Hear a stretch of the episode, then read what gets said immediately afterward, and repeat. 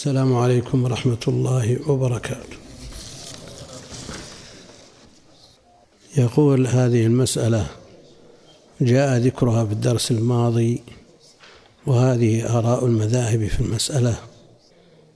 اتفق العلماء على حصول الرجعة بالقول. يعني إذا قال راجعتك واختلفوا في حصول الرجعة بالفعل كالوطء ومقدماته من اللمس والتقبيل على أربعة أقوال. القول الأول أن الرجعة تحصل بكل فعل من وطء ولمس وتقبيل ومذهب الحنفية لأنهم اعتبروا ذلك كله رجعة بالدلالة فكأنه بوطئها قد رضي أن تعود إلى عصمته. القول الثاني أن الرجعة تحصل في الفعل كالوطء ومقدماته بشرط أن ينوي الزوج الرجعة بهذه الأفعال وهو مذهب المالكية.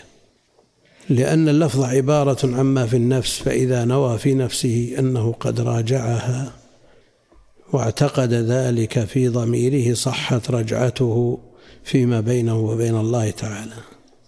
القول الثالث أن الرجعة لا تحصل إلا بالقول ولا تصح بالفعل مطلقا سواء كان مصحوبا من نية الرجعة أو لا وهذا مذهب الشافعية. لأن ابتداء النكاح لا يحصل بالفعل لا يحصل بالفعل وبه فارق حصول الإجازة والفسخ به من زمن في زمن الخيار لأن الملك يحصل به كالسبي.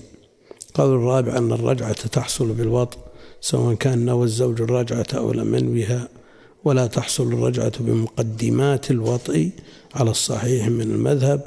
ويرى ابن تيمية أن الرجعة لا تصح بالوطء إلا بنية المراجعة إلا بنية المراجعة. من اللي حضر هذا؟ ما وصلنا المسألة ها؟ ما وصلنا المسألة وراه قلنا إنه عاقد في قلبه إنه ما يرجع لا لا هذه من باب أولى من الأقوال كلها. هذه باب من باب أولى من الأقوال كلها التي التي ذكرت.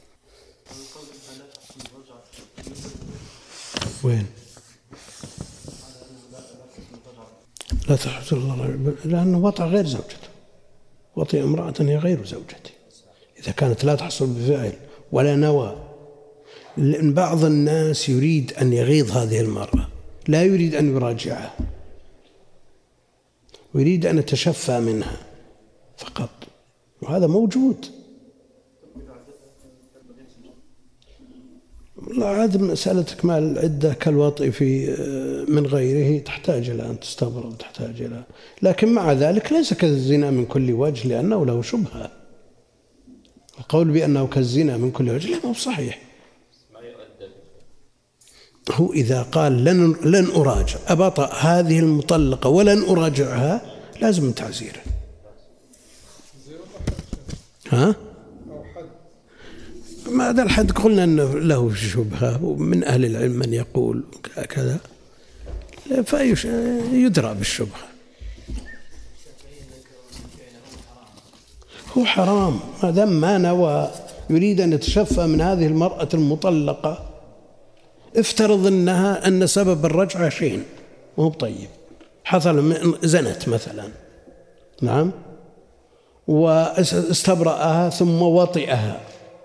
وهو لا ينوي مراجعته ولو لو وضع السيف على رقبته ما راجعها. وعرفنا المذاهب الثلاثة كلهم لابد من النية شيخنا في هذه الحالة تكون إشكالية بقاء المرأة مع مع هي من غير نية العدم. فرق بين نية العدم ونية الوجود. الآن إذا إذا قام إلى الوضوء ونوى الوضوء استمر الوضوء على النية الأولى. ولا يشترط استصحاب النية. نعم استصحاب النية ما يشترط لكن استصحاب حكمها لا بد منه أن لا ينوي قطعها. عرفنا أن المذاهب هكذا. يقول القول الأول أن الرجعة تحصل بكل فعل من وطء ولمس وتقبيل وهو مذهب الحنفية. لأنهم اعتبروا ذلك كله رجعة بالدلالة فكأنه بوطئها قد رضي أن تعود إلى عصمته. القول الثاني أن الرجعة تحصل بالفعل كالوطء ومقدماته بشرط أن ينوي الرجعة بهذه الأفعال ومذهب المالكية. واللفظ عبارة عما في النفس فإذا نوى في نفسه أنه قد راجعها واعتقد ذلك في ضميره صحت رجعته فيما بينه وبين الله تعالى. القول الثالث أن الرجعة لا تحصل إلا بالقول ولا تصح بالفعل مطلقا سواء كان مصحوبا بنية الرجعة أو لا وهذا مذهب الشافعية لأن ابتداء النكاح لا يحصل بالفعل وبه فارق إلى آخره. القول الرابع أن الرجعة تحصل بالوطء سواء نوى الزوج الرجعة ولم ينويها ولا تحصل الرجعة بمقدمات الوطء على الصحيح من المذهب. آه، ويرى ابن تيمية أن الرجعة لا تحصل بالوطء إلا بنية المراجعة. يرى ابن تيمية أن الرجعة لا تحصل بالوطء إلا بنية المراجعة. ها؟ كرأي المالكية. إيه نعم. سم. بسم الله الرحمن الرحيم. الحمد لله رب العالمين وصلى الله وسلم على نبينا محمد وعلى آله وصحبه والتابعين لهم بإحسان إلى يوم الدين. قال الشيخ محمد الأمين الشنقيطي رحمه الله تعالى المسألة الرابعة لو حلف المحلوف لو فعل. لو فعل المحلوف عن فعله ناسيا. ففيه للعلماء عندنا لو فعلت.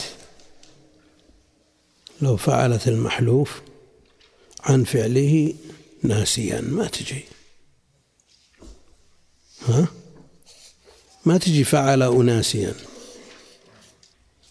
ناسيا حال من فاعل فعل. وناسيا حال من المذكر فينبغي أن يكون لو فعل أو يقول ناسية. لا خاطبك. الشيخ خاطب. يعني لو أنت فعلت المحلوف عن فعله ناسيا يقول الشيخ ففيه ثلاثة أقوال ما تجي إما أن يكون الفاعل المحلو الحالف أو المحلوف عليه. ناسيا. نعم. لو فعل المحلوف عن فعله ناسيا ففيه للعلماء ثلاثة مذاهب. الأول لا حنث عليه مطلقا. لأنه معذور بالنسيان. والله تعالى يقول وليس عليكم جناح فيما أخطأتم به وقال صلى الله عليه وسلم إن الله تجاوز لي عن أمتي الخطأ والنسيان وما استكرهوا عليه وهذا الحديث وإن أعله الإمام أحمد وابن أبي حاتم فإن العلماء تلقوه بالقبول قديما وحديثا. ويشهد له ما ثبت في صحيح مسلم من حديث أبي هريرة أن النبي صلى الله عليه وسلم لما قرأ ربنا لا تؤاخذنا إن نسينا أو أخطأنا قال الله نعم ومن حديث ابن عباس قال الله قد فعلت وكون من فعل ناسيا لا يحنث هو قول عطاء وعمر بن دينار. وابن أبي نجيح وإسحاق ورواية عن أحمد كما قاله صاحب المغني. ووجه هذا القول ظاهر للأدلة التي, للأدلة التي ذكرنا. وذهب قوم إلى أنه يحنث مطلقا وهو مشهور مذهب مالك. وبه قال والقاعدة عند أهل العلم أن النسيان ينزل الموجود منزلة المعدوم. ينزل الموجود منزلة المعدوم. ولا ينزل المعدوم منزلة الموجود. إن حلف أن تفعل. فلم تفعل تركته ناسية. وش يصير؟ النسيان ما ينزل المعدوم. هذا معدوم. بخلاف ما إذا حلف ألا تفعل ففعلت. نعم. وبه قال سعيد بن جبير ومجاهد والزهري وقتادة. نعم. في مسألتنا؟ عام إذا صليت ثلاث وقلت نسيت أجيب رابعة. وش تصير؟ لازم تجيب؟ لابد أنت لو صليت خمس قلت ما دريت. نقول صلاتك باطلة مثل الثلاث نزل الموجود منزلة المعدوم لكنك تجبر هذا النسيان بسجود السهو ولا مثالنا معروف. حلف أن تفعل وحلف أن لا تفعل. هذا القول الثاني يحدث مطلقا لأن فيه شوب من حق الله جل وعلا وشوب من حق المخلوق. وحق المخلوق لا يبرأ منه بالنسيان. نعم. وربيعة وأبو حنيفة وهو أحد قولي الشافعي كما نقله عنهم صاحب المغني. ووجه هذا القول عند القائل به أنه فعل ما حلف لا يفعله عمدا فلما كان عامدا للفعل الذي هو سبب الحنث لم يعذر بنسيانه اليمين ولا يخفى عدم ظهوره. وذهب قوم إلى الفرق بين الطلاق والعتق وبين غيرهما فلا نظيره لو نسي في رمضان فأكل. نسي في رمضان فأكل. فرق بين أن ينسى أنه صائم وبين أن ينسى أصل الأكل. يأكل من غير شعور مثلا. وهو يعرف أن وهذا يتصور ترى في بعض الناس وبعض الحالات. أو يجهل أن هذا مفطر. ويعرف أنه صائم. فيكون من باب الجهل. والجهل والخطأ حكمه عند حكم النسيان عند أهل العلم. فهناك فروق بين هذه المسائل في داخل المسألة الواحدة في إطار المسألة الواحدة. النسيان في الوجوب زي النسيان في المنهي عنه؟ وين؟ النسيان في الواجب. هو عندك يقول هو سبب إيش؟ لو نسي إيش؟ خلاص يتوضأ لا بد أن يتوضأ لكن لو نسي شيء منع عنه وفعله وفعل هذا غير يختلف لأن هذا موجود وذاك معدوم نعم الوجود وعدم ووجه هذا القول عند القائل به أنه فعل ما حلف لا يفعله عمدا. فحلف.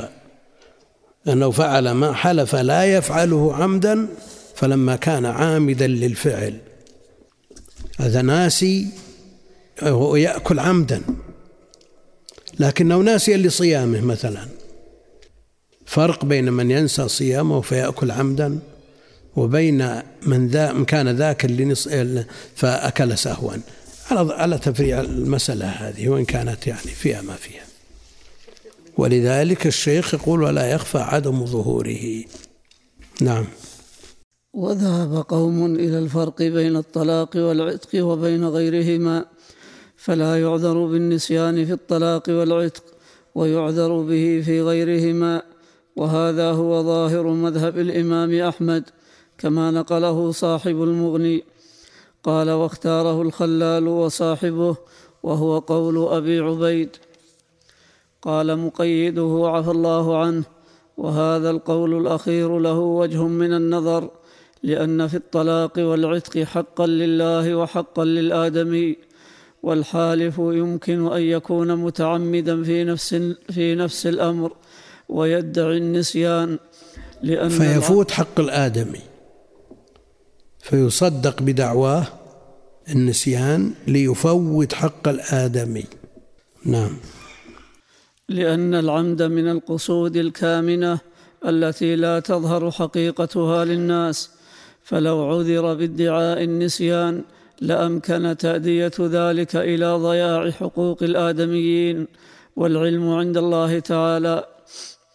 المسألة الخامسة إذا حلف لا يفعل أمرا من المعروف كالإصلاح بين الناس ونحوه فليس له الامتناع من ذلك والتعلل باليمين بل عليه أن يكفر عن يمينه. لأن ترك اليمين خير.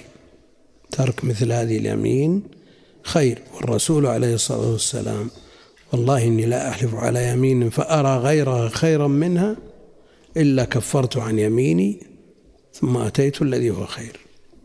نعم.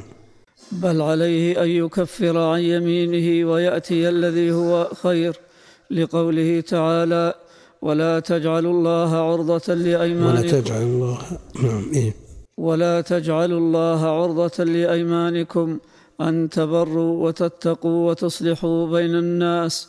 الآية أي لا تجعلوا أيمانكم بالله تعالى مانعة لكم من البر وصلة الرحم. إذا حلفتم على تركها. ونظير الآية قوله تعالى في حلف أبي بكر رضي الله عنه ألا ينفق على مصطح لما قال في عائشة رضي الله عنها ما قال ولا يأتل أولو الفضل منكم والسعة أن يؤتوا أولي القربى أن يؤتوا أولي القربى والمساكين والمهاجرين في سبيل الله وليعفوا وليصفحوا. ألا تحبون أن يغفر الله لكم؟ والله غفور رحيم. وقوله صلى الله عليه وسلم والله لأن يلج أحدكم بيمينه في أهله آثم له عند الله من أن يعطي كفارته التي افترض الله عليه. متفق عليه من حديث أبي هريرة. في قصة مصطح.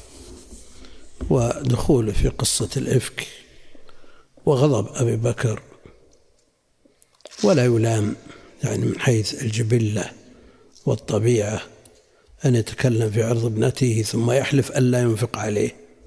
النفقة فضل منه. ثم بعد ذلك يحلف. فيأتي التوجيه الإلهي ولا يأتل أولو الفضل منكم السعة أن يؤتوا إلى القربى والمساكين والمهاجرين في سبيل الله.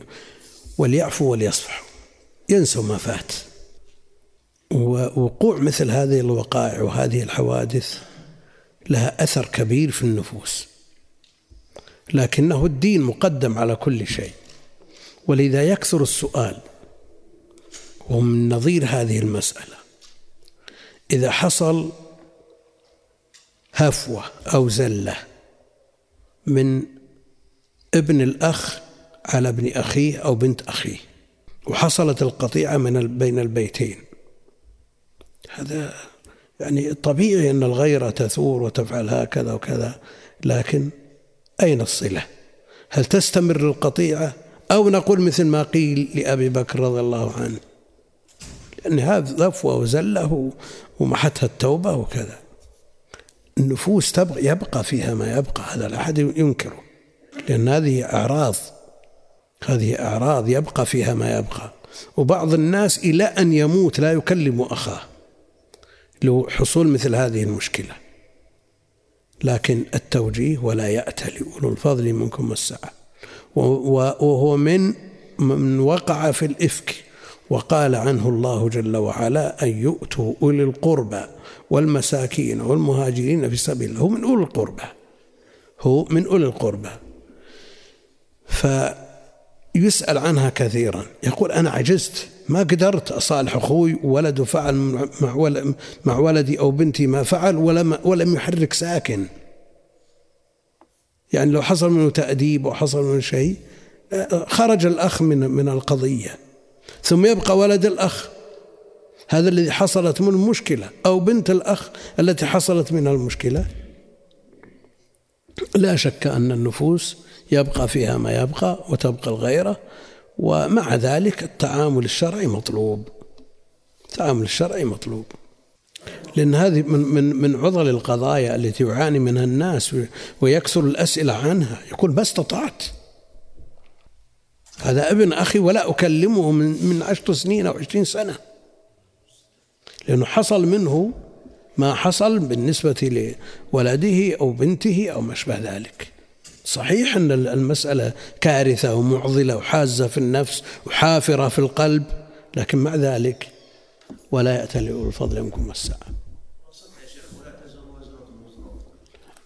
دافع عن ولده. تحمل وزر. الولد الولد. ما هو ما هو برحم. ما هو برحم. رحم. نعم. وقوله صلى الله عليه وسلم إني والله إن شاء الله لا أحلف على يمين فأرى غيرها خيرا منها إلا أتيت الذي هو خير وتحللتها. متفق عليه أيضا من حديث أبي موسى. وقوله صلى الله عليه وسلم لعبد الرحمن بن سمرة يا عبد الرحمن بن سمرة لا تسأل الإمارة. يا عبد الرحمن يا عبد الرحمن ابن ابن سمرة لا تسأل الإمارة فإنك إن أعطيتها من غير مسألة وعنت عليها وإن أعطيتها عن مسألة وكلت إليها وإذا حلفت على يمين فرأيت غيرها خيرا منها فأت الذي هو خير وكفر عن يمينك. متفق عليه أيضا. جاء في البخاري إنكم ستسألون الإمارة وإنها حسرة وندامة يوم القيامة فنعم المرضعة وبئست الفاطمة. فنعمة المرضعة وبئست الفاطمة. كثير من الناس يدخل في الولايات وفي الوظائف وكذا منشرح الصدر ومبسوط وما ويستمر على ذلك ثم بعد ذلك في النهاية يحصل ما يحصل من أمور الدنيا والله المستعان. نعم. والأحاديث في الباب كثيرة وهذا هو الحق في المسألة خلافا لمن قال كفارتها تركها متمسكا بأحاديث وردت في ذلك. قال أبو داود والأحاديث عن النبي صلى الله عليه وسلم كلها يعني مع مع تركها لا يلزم كفارة. مع تركها لا يلزمه كفارة. لكن الأصح ما جاء في الصحيح. إلا كفرت عن يميني ثم أتيت الذي هو خير والرواية الأخرى فأت الذي هو خير وكفر عن يمينك. ولذا يجوز على حد سواء أن تكفر عن يمينك وتأتي الذي هو خير أو تأتي الذي هو خير ثم تكفر عن يمينك. لأن مثل هذا يجتمع فيه وقت سبب الوجوب ووقت الوجوب. سبب الوجوب ووقت الوجوب. لا يجوز تقديم الكفارة على السبب والوقت. ويجوز تأخيرهم تأخير الكفارة عنهما ويجوز بينهما. ولهذه المسألة النظائر ذكرها الحافظ بن رجب في القواعد. نعم. وقال قال أبو داود والحديث والأحاديث عن النبي صلى الله عليه وسلم كلها فليكفر عن يمينه وهي الصحاح والعلم عند الله تعالى قوله تعالى فتحرير رقبة لم يقيد هنا رقبة. رقبة كفارة اليمين بالإيمان وقيد به كفارة القتل خطأ. وهذه من مسائل المطلق والمقيد في حالة اتفاق الحكم مع اختلاف السبب. وكثير من العلماء يقولون فيه بحمل المطلق على المقيد فتقيد رقبة اليمين والظهار بالقيد الذي في رقبة القتل خطأ حملا للمطلق على المقيد وخالف في ذلك أبو حنيفة وموافقه. وقد أوضحنا هذه المسألة في كتابنا دفع إيهام الاضطراب في سوره النساء عند قوله تعالى فتحرير رقبة مؤمنة ولذلك لم نطل الكلام بها هنا. في هذه الصورة التي ذكرها الشيخ رحمه الله اتفاق الحكم ووجوب العتق في المسألتين مع اختلاف السبب. ها؟ هذا إيش؟ فتحرير رقبة هذا يمين وذا قتل اختلف السبب. وعند الجمهور يحمل المطلق على المقيد خلافا للحنفية. عكس ذلك إذا اختلف الحكم واتحد السبب لا يحمل المطلق على المقيد. فاليد في آية الوضوء مقيدة بالمرفقين وفي آية التيمم مطلقة. السبب واحد كله حدث لكن هذا غسل وهذا مسح. إذا اختلف الحكم والسبب في في اليد في آية الوضوء مقيدة بالمرفق وفي آية السرقة مطلقة. يتفقان في ماذا؟ يختلفان. لا حكم ولا سبب. وهذا محل اتفاق عند يكاد يكون اتفاق عند أهل العلم أنه لا يحمل المطلق المقيد.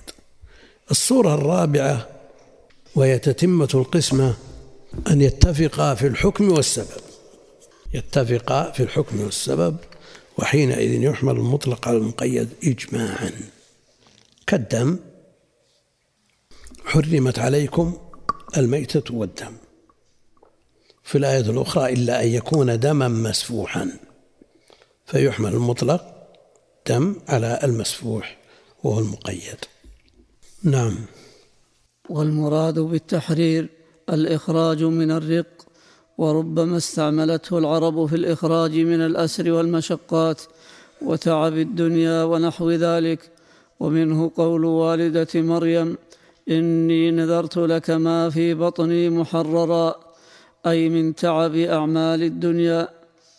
ومنه قول الفرزدق همام بن غالب التميمي أبني غدانة إنني حررتكم فوهبتكم لعطية بن جعال. يعني حررتكم من الهجاء فلا أهجوكم. كأن عطية بن جعال هذا جاء يشفع لهم وقال اتركهم ودعهم لا تهجهم فوهبهم له. نعم. قوله تعالى يا أيها الذين آمنوا إنما الخمر والميسر والأنصاب والأزلام رجس. الآية يفهم من هذه الآية الكريمة أن الخمر نجسه, نجسة العين لأن الله تعالى قال إنها رجس. والرجس في كلام العرب كل مستقدر تعافه النفس.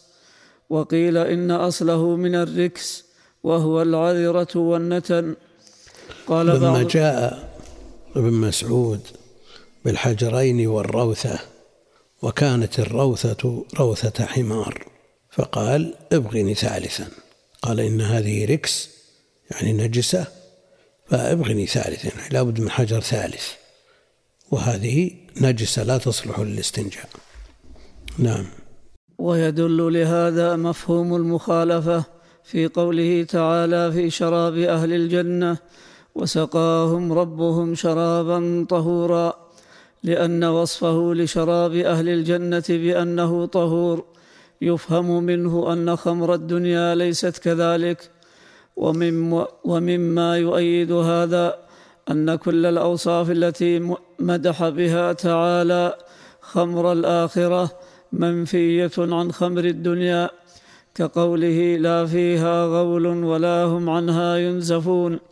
وكقوله لا يصدعون عنها ولا ينزفون بخلاف خمر الدنيا ففيها غول يغتال العقول وأهلها يصدعون أي يصيبهم الصداع الذي الذي هو وجع الرأس بسببها. وقوله لا ينزفون على قراءة فتح الزاي مبنيا للمفعول فمعناه أنهم لا يسكرون. والنزيف السكران ومنه قول حميد بن ثور نزيف ترى ردع العبير بجيبها كما ضر جضار النزيف المكلما. يعني, يعني أنها في ثقل حركتها كالسكران وأن حمرة العبير الذي هو الطيب في جيبها كحمرة الدم على الطريد الذي ضرجه الجوارح بدمه.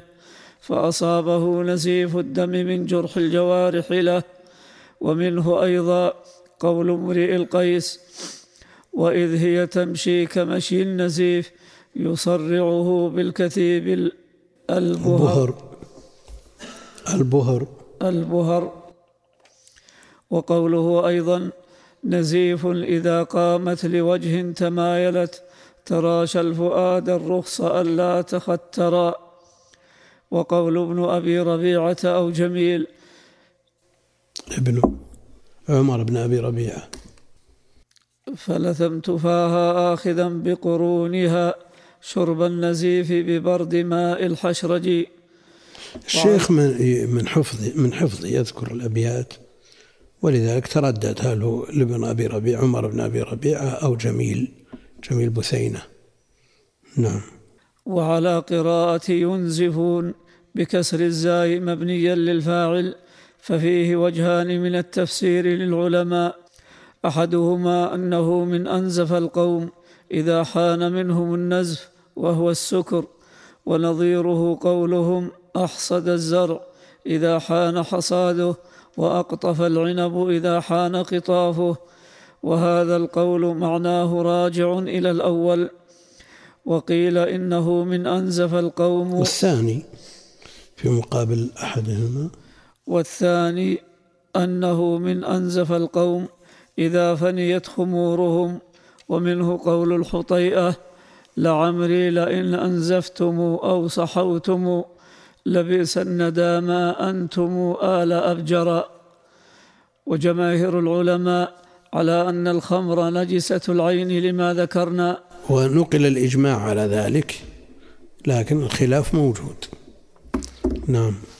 وخالف في ذلك ربيعة والليث والمزني صاحب الشافعي وبعض المتأخرين من البغداديين والقرويين كما نقله عنهم القرطبي في تفسيره واستدلوا لطهارة عينها بأن المذكورات معها في الآية من مال ميسر ومال قمار وأنصاب وأزلام ليست نجسة العين وإن كانت محرمة الاستعمال. وأجيب من جهة الجمهور بأن قوله هذا استدلال بدلالة الاقتران وهي مضاعفة عند أهل العلم. كما جاء في الخيل والحمير والبغال لتركبوها وزينة قالوا إن كلها محرمة. قل الحنفية كلها محرمة الأكل. وأخرج منها الجمهور الخيل. وقالوا الحنفية استدلوا بدلالة اقتران وهي ضعيفة. ودل على حل الخيل أدلة خاصة. نعم. المالكية عند المالكية خاصة يا شيخ وعند وشو؟ يبيحونه ولا يمنعونه؟ لا لا لا يمنعونه المالكية ومذهب الجرير والحنابلة. ها؟ ثم الحاشية. الحاشية يمنع من إباحة الخيل. ها أبو عمر؟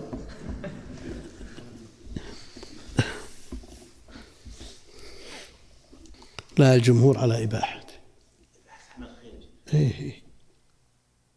ذبحنا فرسا على عهد رسول الله صلى الله عليه وسلم. فأكلناه ما في نسخ ها؟ ما جاء نسخ. ما جاء نسخ أنت بتصير حنفي وتحرم على نفسك؟ بكيفك سامع. قلت له اشتهيت سمعت يا عمر. لا أنا أقول طيب طيب ما يخالف. بدون يمين. أنت هل تريد لنفسك تحريمها أو تحليلها؟ والنص ثابت. كونك لا تأكل هذا شيء آخر. كثير من الناس ما يأكل لحم البقر وهي حلال بالإجماع. فما في أحد يلزم اللي ما يأكل أن يأكل. لأن الشهوة لا أحد يلزم بها. حتى ولا الوالد يلزم الولد. إذا كان هناك نوع من الطعام لا يأكله فيلزمه يأكل ما يلزم. طاعة بالمعروف فهذه المسألة. أنت باحث المسألة برسالك؟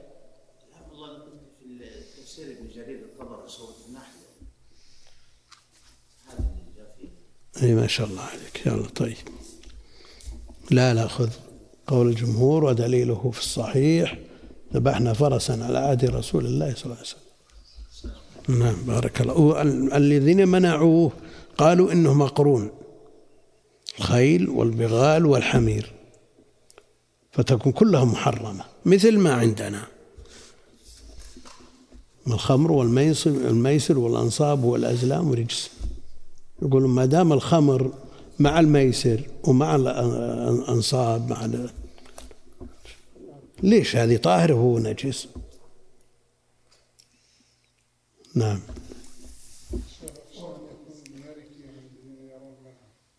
المنع عند المالكية. نعم. خلاص وش لبست علينا يا أبو عمر؟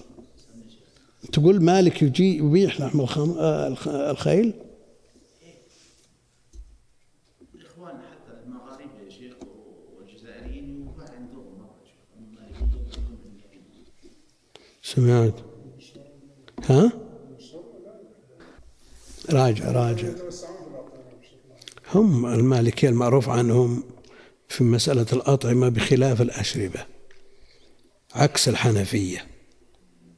نعم. يا شيخ بعد عزك الله واكرم الله الجميع بان هناك فسق ذرعات قول عند بعض العلماء المالكيه ما هو الامام نفسه يبيحون اكرمكم الله لحم الكلب عدا الراس بس الرأس لا في هذا يستدلون في قول الله جل جلاله لسوره الانعام إيه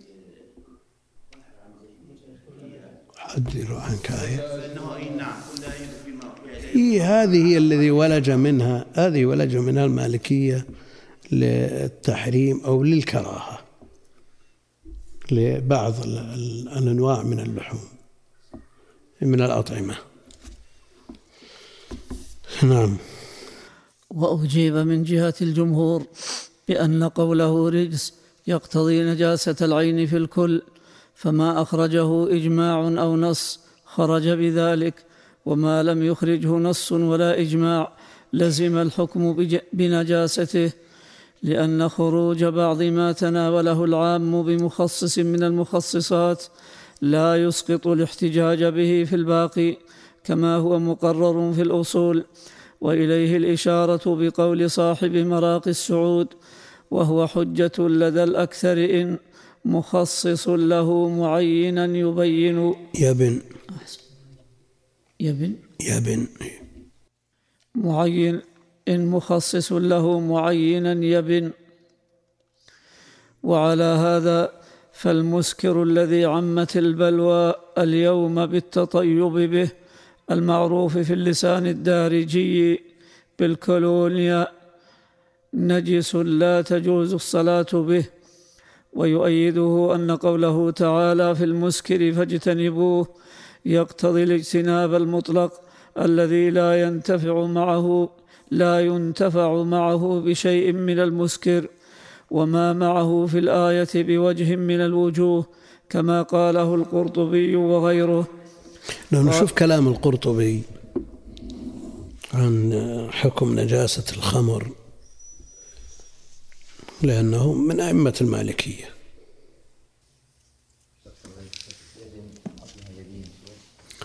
أيه.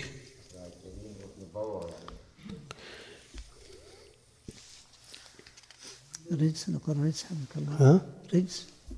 شو؟ تفسير قوله تعالى رجس. أيه.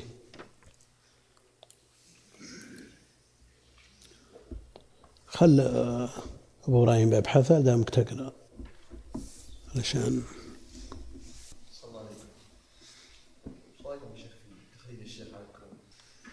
شو عليه؟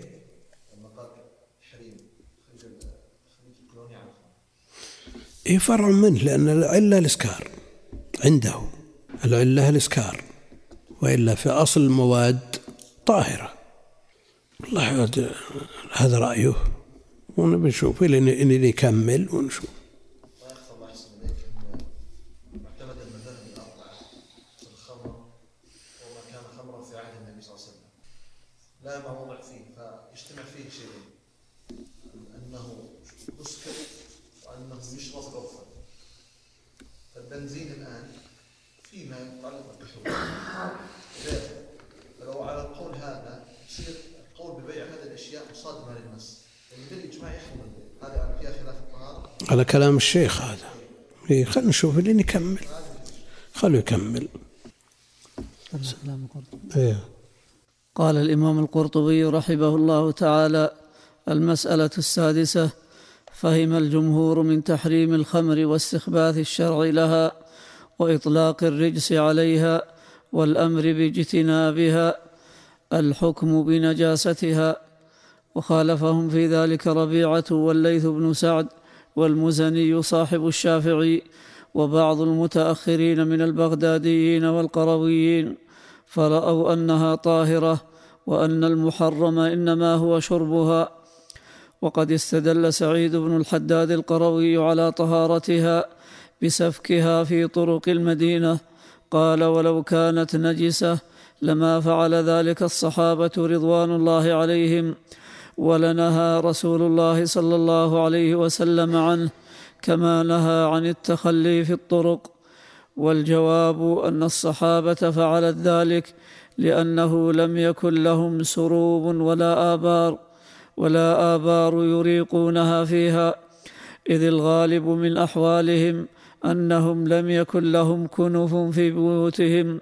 وقالت عائشة رضي الله عنها إنهم كانوا يتقذرون من اتخاذ الكنوف في البيوت ونقلها ونقلها إلى خارج المدينة. فيه كلفة ومشقة ويلزم منه تأخير ما وجب على الفور. وأيضا فإنه يمكن التحرز منها فإن طرق المدينة كانت واسعة ولم تكن الخمر من الكثرة بحيث تصير نهرا. نهرا يعم الطريق كلها بل إنما جرت في مواضع يسيرة يمكن التحرز عنها. هذا مع ما يحصل في ذلك من فائدة شهرة إراقتها في طريق المدينة ليشيع العمل على مقتضى تحريمها من إتلافها وأنه لا ينتفع بها ويتتابع الناس ويتوافقوا على ذلك. والله أعلم. فإن قيل التنجيس حكم شرعي ولا نص فيه ولا يلزم من كون الشيء محرما أن يكون نجسا فكم من محرم في الشرع ليس بنجس. قلنا قوله تعالى رجس يدل على نجاستها فإن الرجس في اللسان النجاسة. ثم لو التزمنا الا نحكم بحكم إلا حتى نجد فيه نصا لتعطلت الشريعة فإن النصوص فيها قليلة فأي نص يوجد على تنجيس البول والعذرة والدم والميتة وغير ذلك وإنما هي الظواهر والعمومات والأقيسة. وسيأتي في سورة الحج ما يوضح هذا إن شاء الله. كمل كلام الشيخ. السابعة قوله فاجتنبوه. القرطبي ولا؟ لا لا لا.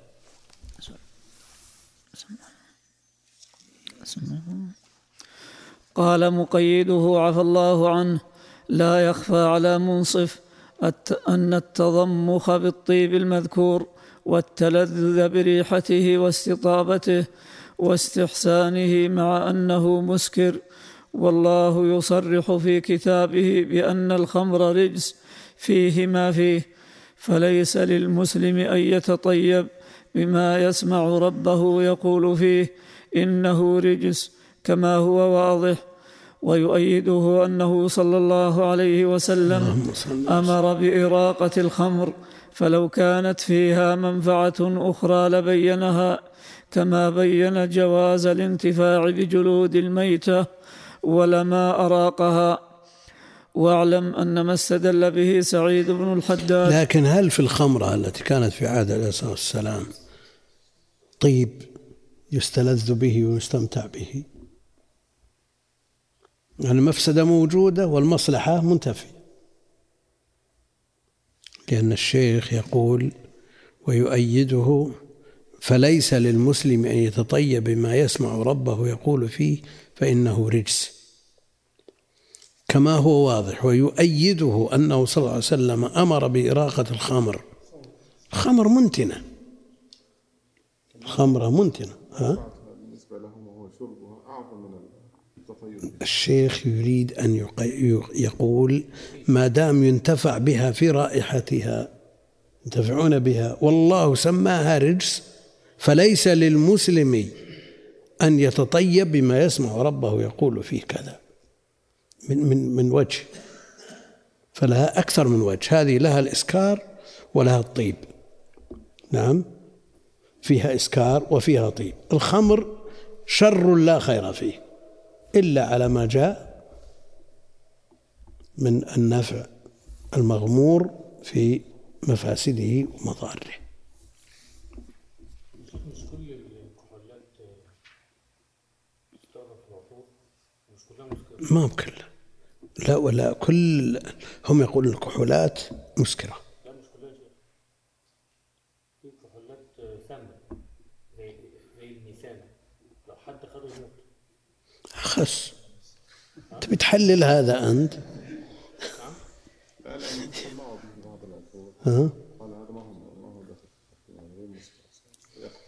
هو ال- الإشكال أن التصور إذا كان غير كافي.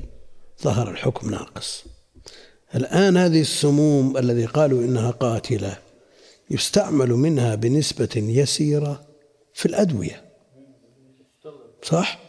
ولذلك شعار الصيدليات حية ثعبان صح ولا لا؟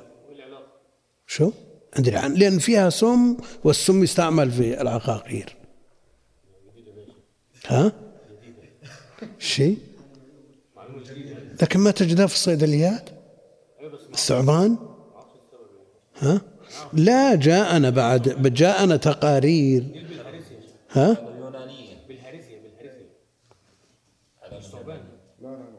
لا ثعبان لا ثعبان ويقرون بهذا لكن جاء تقارير تقول إن بعض الديانات تعتمد هذا النوع من الثعابين في كذا في الأدوية في كذا والله أعلم لكن يبقى النفع والضرر والنص حاكم على الجميع.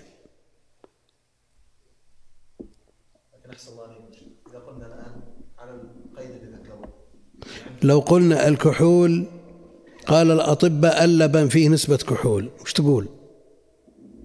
صح؟ كحول قالوا فيه هذا.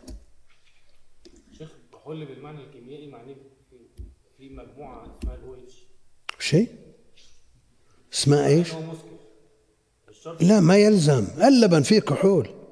في أنواع بس مش مسكرة ليه؟ أنا أقول أنا قلت اتركوا اللبن. أنا قلت هذا. نعم. أنا قلت اتركوا اللبن لأنه مسكر. أنا أقول قال بعضهم من من من الأطباء قالوا إن اللبن فيه نسبة كحول. ليش يقولون هذا الكلام؟ بيلزموننا أنه ليس كل كحول مسكر. وأنت تقول هذا ولا لا؟ خلاص قضينا. أنت كلامك صحيح. كلامك صحيح. بس أنت اصبر إلى نكمل اللي عندي. إيه؟ أنت المرجع في هذا. كيميائي أنت بعد. ها؟ نستفيد. والله نستفيد. في في في أمور الطب يستفاد من الأطباء في أمور كذا. والعالم والعلماء عموما يحتاجون إلى من يعينهم في التخصصات الأخرى. لأن الإحاطة بجميع ما ما يدار ويقال صعبة جدا. إلا جربت؟ لا وين؟ فطور سكروا على طول. لا لا لا يا شيخ. ها؟ هو في الأصل ليس بمسكر. لكن من من استعمله سكر اي البنزين. يستعملونه الشباب يشفطونه اي يشفطوا يسكر ما أدري عاد أنا ما أدري والله. وش هو وش يسوي؟ ها؟ ما يذهب العقل؟ لا الواقع؟ محتاج إلى دليل. الواقع. ال- بعض انواع الغراء يستعملونها الشباب للتشفيط. لكن هل هذا كافي في تحريم المادة ولا لا؟ أو إنما حرم أكلها في الميتة ويبقى الانتفاع من وجوه أخرى لا بأس به. سمعت؟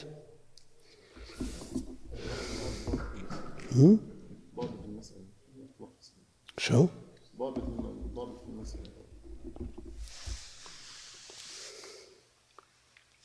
هو إذا نظرنا إلى تركيبة الخمر الأصلي وأنه مواد مركبة من أطعمة والأطعمة إذا مضى عليها وقت قد تتحول إلى نجاسات وتحول إلى أمور منتنة مؤذية شبيهة بالمحرم من النجاسات ففيها وجه شبه. تختلف هذه المواد بعضها منظفة.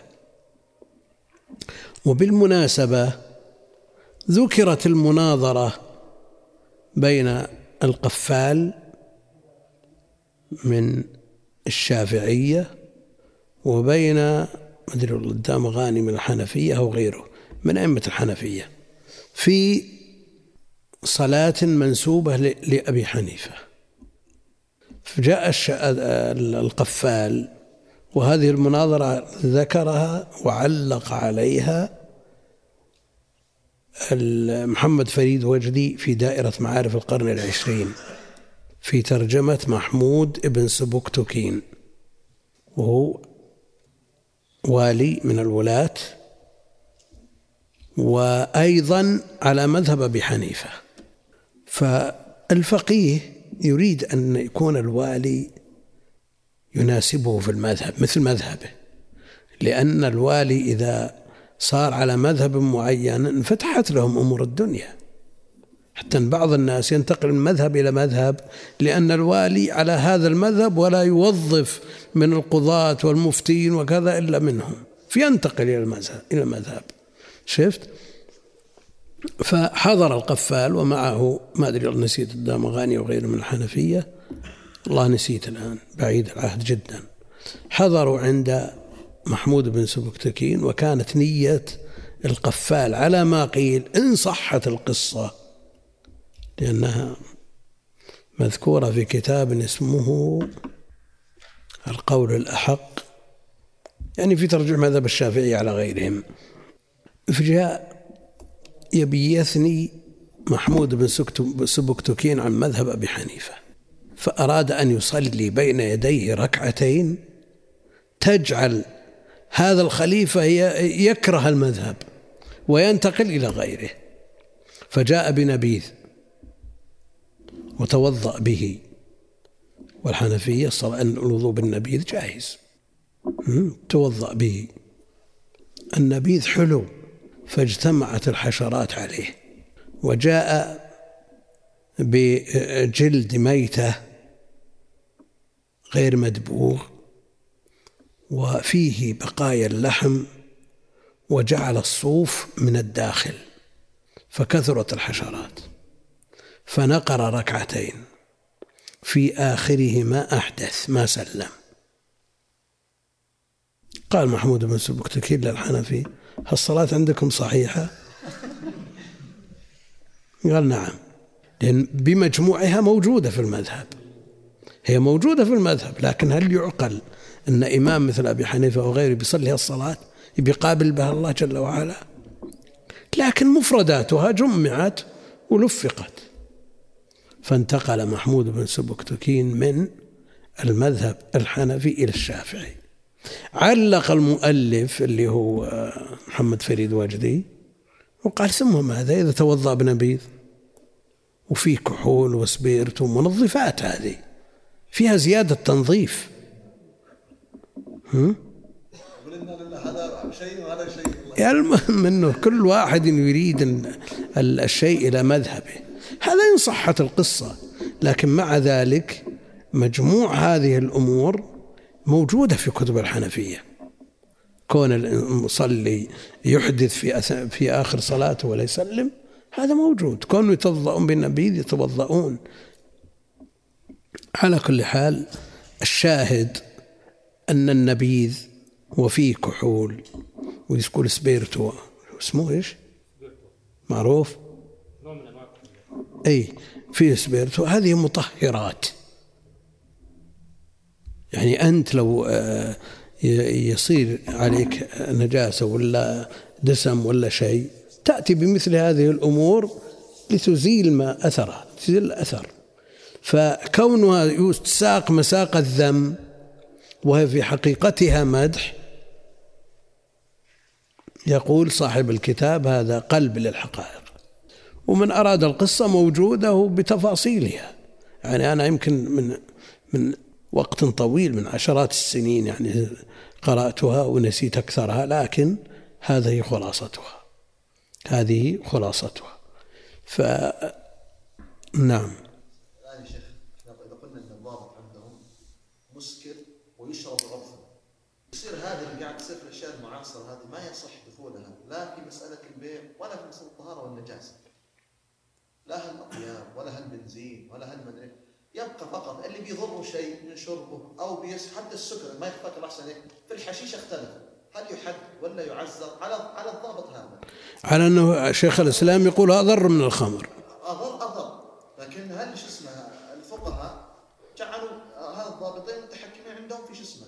في المسائل هذه التي حدثت عندهم في ذلك الوقت. لكن أنت تشم هذا من كلام الشيخ؟ لا الشيخ لا الشيخ يجعله بل بل إلى الان من اساتذه الجامعة الله يحسن عليه من هو ماشي على هذه وأنا تقليدا للشتارة تقليد للشيخ أكثرهم تقليد للشيخ ومنهم من جعل الضابط بالإسكار في وقت لا يوجد فيه هذه الأمور المعاصرة. فهمت؟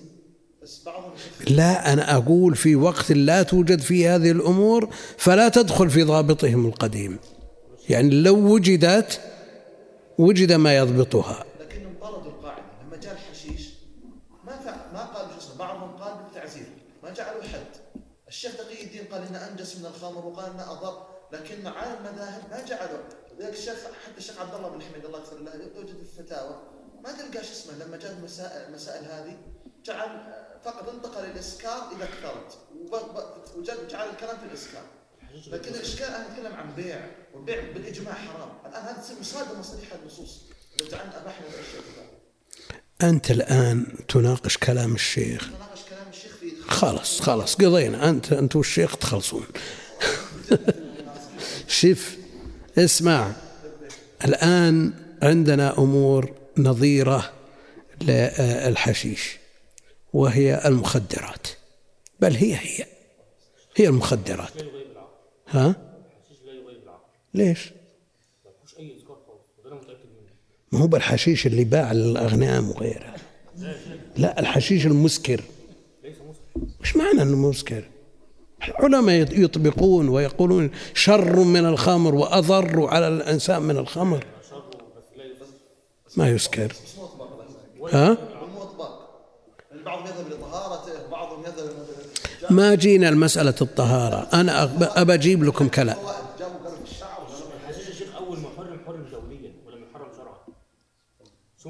متى متى؟ من أيام حرب انجلترا والصين. وشيخ الإسلام واللي قبله هم حرموه في حشيش على أيام شيخ إيه. إيه. ونقلوا عليه شيخ الحشيش. هو نفسه. اسمع خل بجيب لكم فائدة. في شخص حقق كتاب التذكرة لابن الملقن. كتاب صغير في علوم الحديث؟ وتكلم المؤلف على مسألة الأصل. هل أصل الطهارة أو النجاسة؟ هل الأصل الإباحة أو التحريم؟ هم؟ وقال كالحشيشة. كالحشيش. قال كذا المؤلف. ثم جاء المعلق كيف يقول المؤلف هذا الكلام في الحشيش المحرم بالإجماع؟ والضار وقال شيخ الإسلام وقال من, من ابن البيطار وقال كذا من الأطباء. هم؟ ذكروا فين شيخ الاسلام الشيخ بوادي ومحقق فؤاد وفرقا بين ها؟ شو؟ لا. هذا الحشيش اللي يقول له طلعت للبر وقلت لك لقيت لك ورقة من الحشيش وأعجبتك تاكل ولا ما تاكل؟ لا على الأصل. إنسان الأصل التحريم ما تاكل. حتى تجد الدليل. ال... يا ابن الحلال. خلينا نقرر المسألة من أصولها. إذا كان الأصل التحريم ما تأكل إلا بدليل. إذا كان الأصل الإباحة تأكل حتى يرد دليل المنع فهو ذهب إلى توسع خطوه إلى أن تعدى الحدود. ما هو بيقصد هذا المؤلف؟ يقصد الحشيش اللي أصله ما لا يعرف له دليل.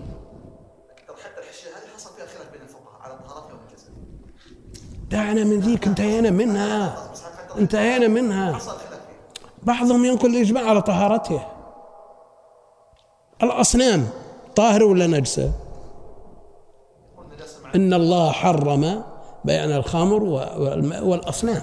نعم. قالوا إذا كانت من خشب مثلا أو من ذهب بيقدر أحد يقول حرام؟ نجس ولا حرام؟ نجس ولا ولا ولا نجس نجسة ولا طاهرة؟ لا هذا شيء ثاني. نعم؟ وين؟ حتى ال- ال- الشيخ ابن عثيمين وهو من أهل النظر الدقيق قال أن هذه أمور الكحول آه، نسبة يسيرة ما تؤثر ولو أفردت ما أسكرت وكذا. فجعل النظر فيها إلى آه، التأثير وعدم كانوا لا يرى نجاسة الخمر الشيخ ها؟ يستدل بنفس الأدلة الشيخ محمد كان ما يرى نجاسة لا لا هي بالنسبة للإسكار. بالنسبة لشربها لأنها مسكرة.